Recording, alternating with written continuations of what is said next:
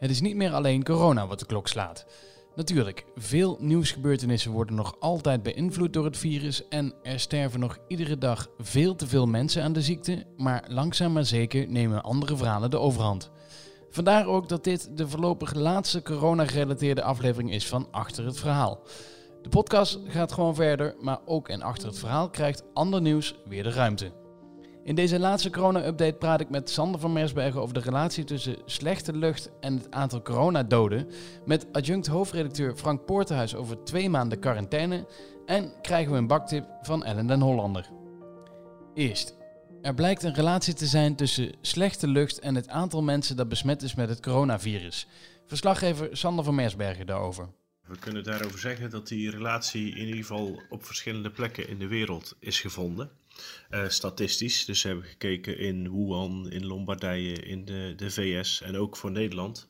Of ze nou uh, een statistisch verband kunnen vinden tussen uh, de aanwezigheid van fijnstof in de lucht bijvoorbeeld en het aantal slachtoffers dat corona maakt. Uh, nu moet je daarbij wel uh, meteen zeggen, zeggen wetenschappers ook, uh, dat er een verband is. Wil nog niet zeggen dat het ene ook tot het andere leidt. Dat moet echt nog beter onderzocht worden. Alleen tegelijk zeggen ze ook dat het op al die plekken wordt gevonden. Dat, nou ja, dat, dat, dat, dat is wel echt een, een, signaal. Dat moeten we echt heel serieus nemen. Dus dat, dat weten we. Um, en we zien natuurlijk in Nederland ook dat het aantal uh, slachtoffers van corona niet in iedere plek gelijk is. Hè? Dat, uh, dat is heel duidelijk zichtbaar. We zien natuurlijk vanaf het begin al dat het in het, uh, in het zuiden van het land echt hard gaat. langzaam maar zeker werd het ook steeds duidelijker dat die, die klappen eigenlijk het hardste vielen in het oosten van Brabant, met name het noordoosten en het noorden van Limburg. Ja, en als je dan uh, weer even op die kaartjes gaat kijken met vervuiling, dan zie je daar dat, dat, daar gewoon heel veel uh, fijnstof en stikstof in de lucht uh, zit. Dus het is, ja, het is, het is heel logisch om daar een verband te veronderstellen. En als je daar weer naar gaat kijken wat daar de oorzaken van zijn, dan zie je gewoon dat daar, ja, er zit heel veel, hè, er zit heel veel vee, dat weet iedereen natuurlijk. varkens, ik geloof dat Brabant en Limburg samen 8 miljoen varkens hebben. Terwijl er in heel Nederland 12 miljoen zitten, dus dat is echt enorm. Er zitten letterlijk tientallen miljoenen kippen daar op best wel een klein grondgebied. Je hebt heel veel geiten, dat zit daar ook redelijk geconstateerd in die regio. Dus ja, er is ehm, er is, er is veel reden in ieder geval om dat uh, te gaan onderzoeken of er zo'n uh, verband is voor die regio. Dat is wel helder. We kunnen nu na ongeveer twee maanden kunnen we een beetje de balans opmaken. En je, en je ziet dus inderdaad wat jij zegt, in die twee gebieden, Noord-Limburg en Noordoost-Brabant, daar vallen 40% van de coronadoden. Ja, dat klopt inderdaad. je hebt de kaarten van het RIVM waarop je vrij duidelijk kunt zien waar corona het hardste toeslaat ja, ik denk na, na een paar weken begonnen we eigenlijk te zien dat uh, Noordoost-Brabant daar best wel uit uh, sprong. Op een gegeven moment kwam Noord-Limburg daar ook bij. dus dat, dat zijn twee regio's waar het echt heel duidelijk is. Inmiddels zie je het ook wel in Zuid-Limburg trouwens. Dus dat, dat, dat, die, die zitten daar ook hoger dan de rest van Nederland. Um, en voor de rest zie je, als je op de kaart van Nederland kijkt, zie je her en der nog een paar plukken met veel doden. Je hebt bijvoorbeeld een regio ten westen van Zwolle. Uh, dat is ook een enorme brandhaard. Dat uh, heeft dan weer op het eerste oog niks met luchtvervuiling te maken, omdat dat, nou, er is niet bekend daar dat er iets, ja, een speciale fabriek of heel veel vee of, of heel veel verkeer is. Dus dat, dat, is, dat is weer een reden om, nou om, om te twijfelen aan dat verband of om te vermoeden dat het verband toch ingewikkelder in elkaar zit. Maar toch, uh, Sander, toch maken ze zich zorgen in, uh, in Noordoost-Brabant over de toekomst. Hè? Stel, er komt een tweede coronagolf. Um, en dat linken ze dan toch aan die fijnstof. Ja. Ja, je moet ook beseffen dat het wel een geschiedenis heeft. Um, een ziekte die in Nederland eigenlijk nooit heel veel aandacht heeft gekregen, uh, maar in Noordoost-Brabant des te meer, dat is de Q-koorts. Uh, tussen 2007 en 2010 uh, uh, heerste die daar. Die werd door geiten op mensen overgedragen en die heeft nou, volgens de officiële cijfers ongeveer 100 doden gekost. Alleen artsen in het gebied zijn ervan overtuigd dat veel meer mensen daaraan zijn overleden.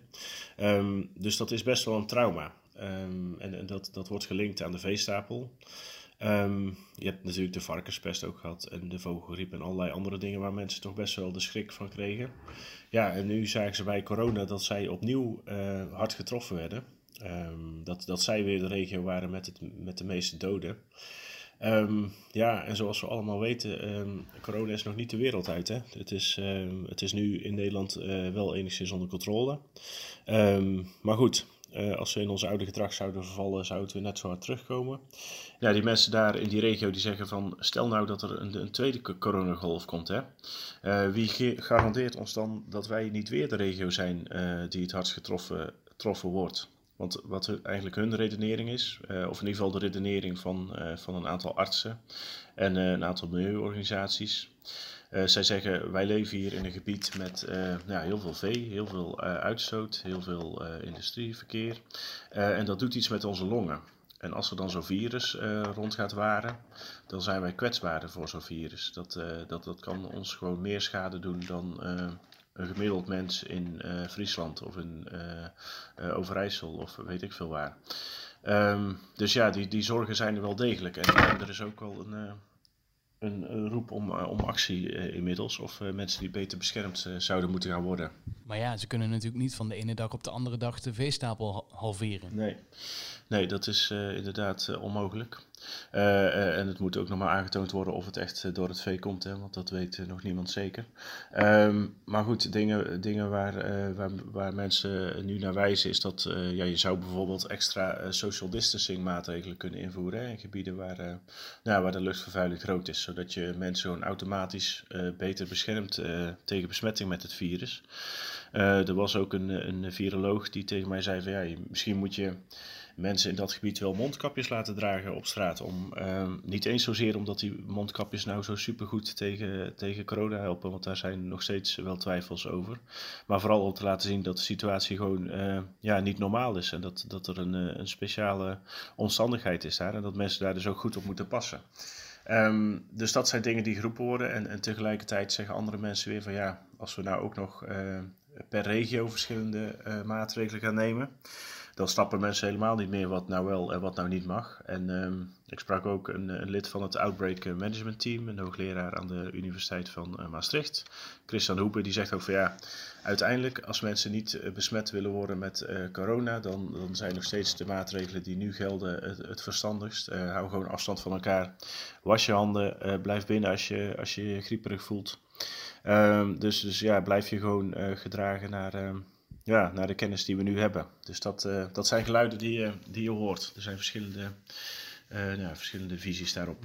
En ga dus vooral daar niet massaal de straat op? Nee, dat, dat zegt ook iemand van het RIVM. Um, ehm, die zegt ja, als je, gewoon het, het, als je weet dat ergens wellicht een, ja, een groter risico is, handel daar dan ook naar. En, en zorg bijvoorbeeld ook, je weet dat ouderen kwetsbaar zijn voor dit virus ja, als je in zo'n regio woont, is het misschien uh, nou is het extra verstandig, laat ik het zo zeggen, om je aan de regels te houden en gewoon uh, geen, geen risico's te nemen met, uh, met oudere mensen en met elkaar. Dus dat, ja, dat, dat hoor je wel. Sander van Meersbergen, dankjewel weer. Oké. Okay. Gaan we naar Frank Poorthuis. Frank die zit al meer dan twee maanden in zelfquarantaine. Heeft natuurlijk ook de hele quarantaine meegemaakt die wij allemaal meegemaakt hebben. Die intelligente lockdown, hè, waar we het over hebben altijd, Frank. Mm. Twee maanden later, hoe gaat het met je? Nou, het gaat heel goed met ons hoor. Met mij en met mijn gezin gaat het uitstekend. We houden dit nog wel drie maanden vol als moet.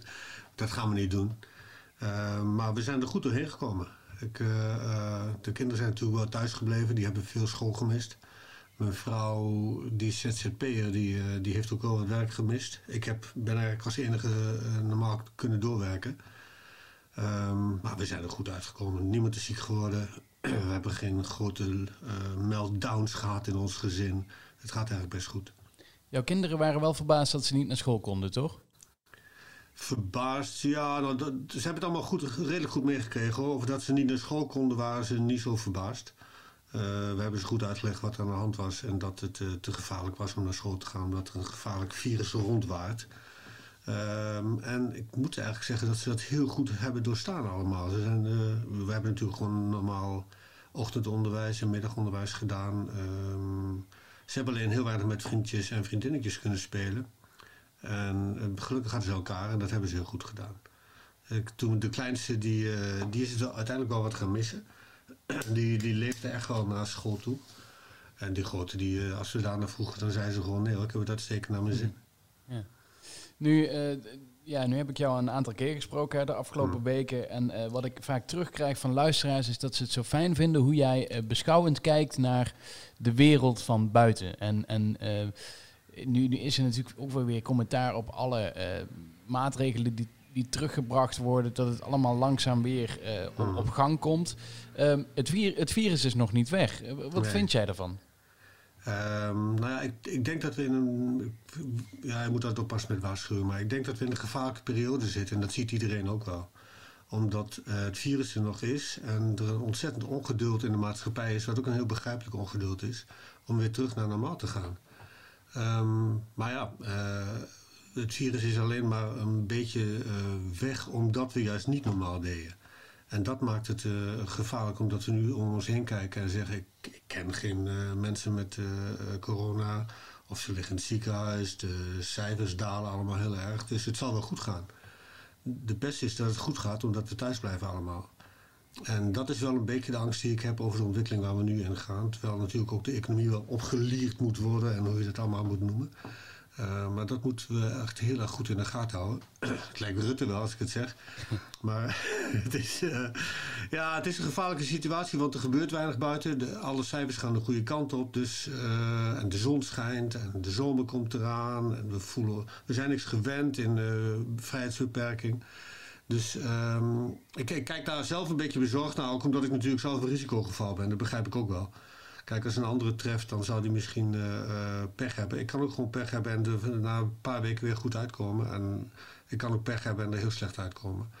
Maar andere mensen zullen er misschien wat lichter tegenaan kijken, omdat ze dat, uh, minder dat dreigende gevaar om zich heen hebben.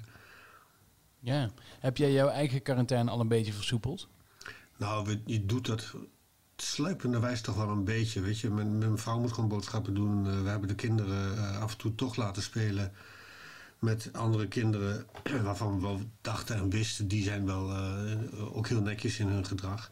Ik ben er zelf een keer met ze uit geweest naar het schoolplein toen ze het niet meer hielden. Uh, daar heb ik een anderhalf uur op het schoolplein met ze gezeten, zodat ze daar in ieder geval konden spelen. Het zijn kleine dingetjes waarvan je wel ziet, oh ja, als ik dit al doe, dan doen andere mensen dat natuurlijk ook. En nog in veel verhevigde mate omdat je ook gek wordt van je huis af en toe natuurlijk. Ja. En van je eigen kleine tuintje en, uh, en je, gewoon je, je beperkingen. Iedereen wil eruit, iedereen wil eten. Ergens een keer naar een café of gewoon buiten lopen. En niet bang zijn dat je andere mensen aanraakt. Dus ook wij hebben dat soort dingetjes wel een beetje gedaan. En ik moet je zeggen, nu uh, sinds kort hebben we besloten dat mijn kinderen toch maar weer naar school gaan. Oké. Okay. Omdat het toch, ja, je kunt ze niet altijd blijven isoleren. Nee, maar ja, dat, dat zorgt wel voor ja, extra kans op besmetting. Ja. Dus ik kan me voorstellen dat dat een moeilijke keuze was. Dat is een hele moeilijke keuze. Daar hebben we echt wel heel lang uh, over nagedacht.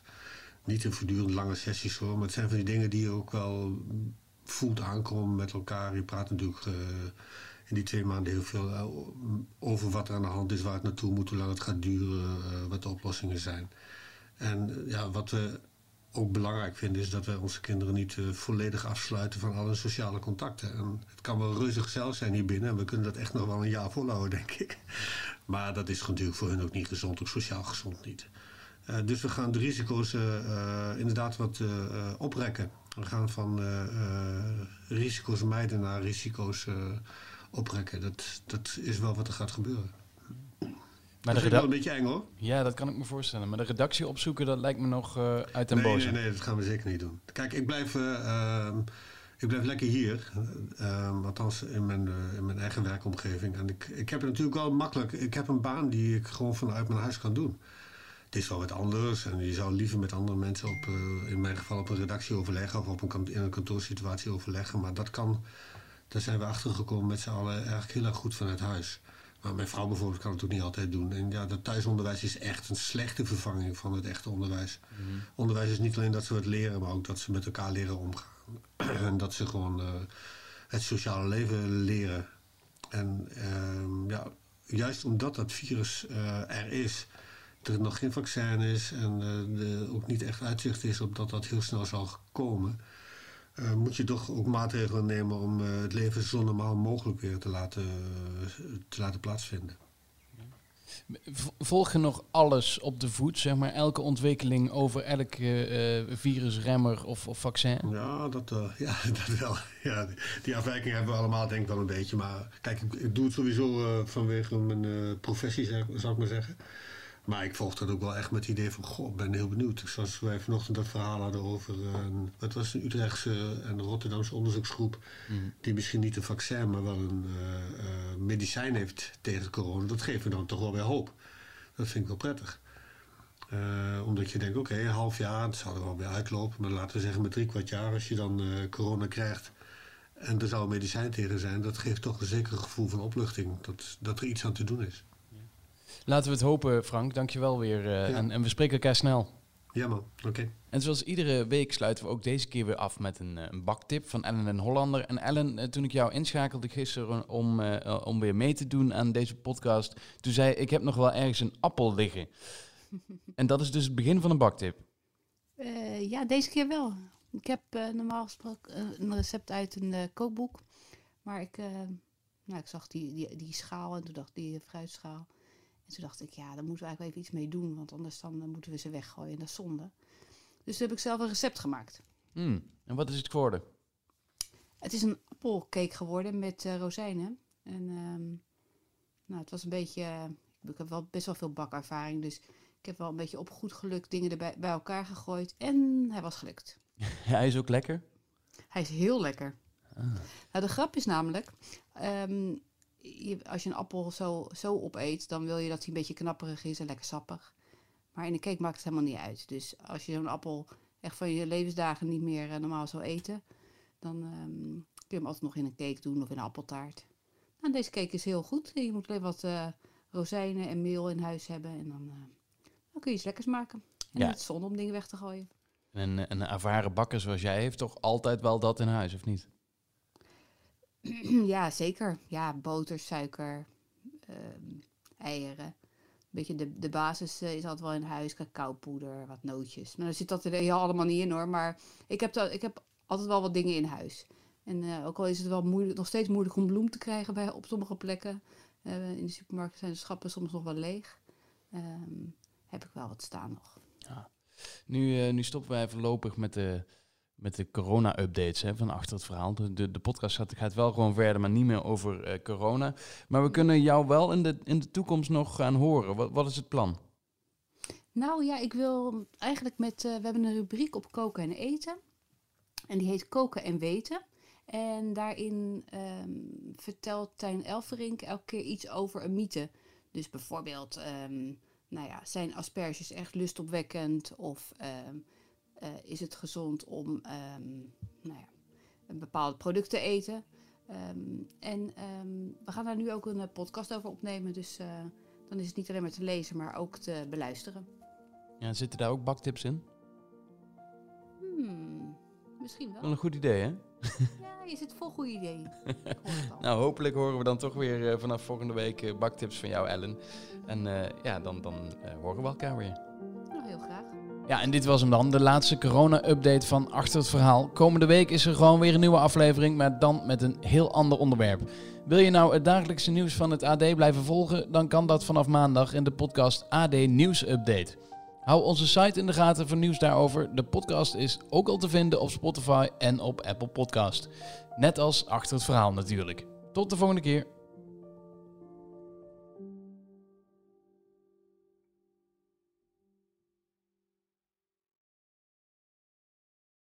We worden dagelijks overladen met overbodige informatie. En het is moeilijk de zin van de onzin te scheiden. Daarom vertrouw ik op echte journalisten in plaats van meningen.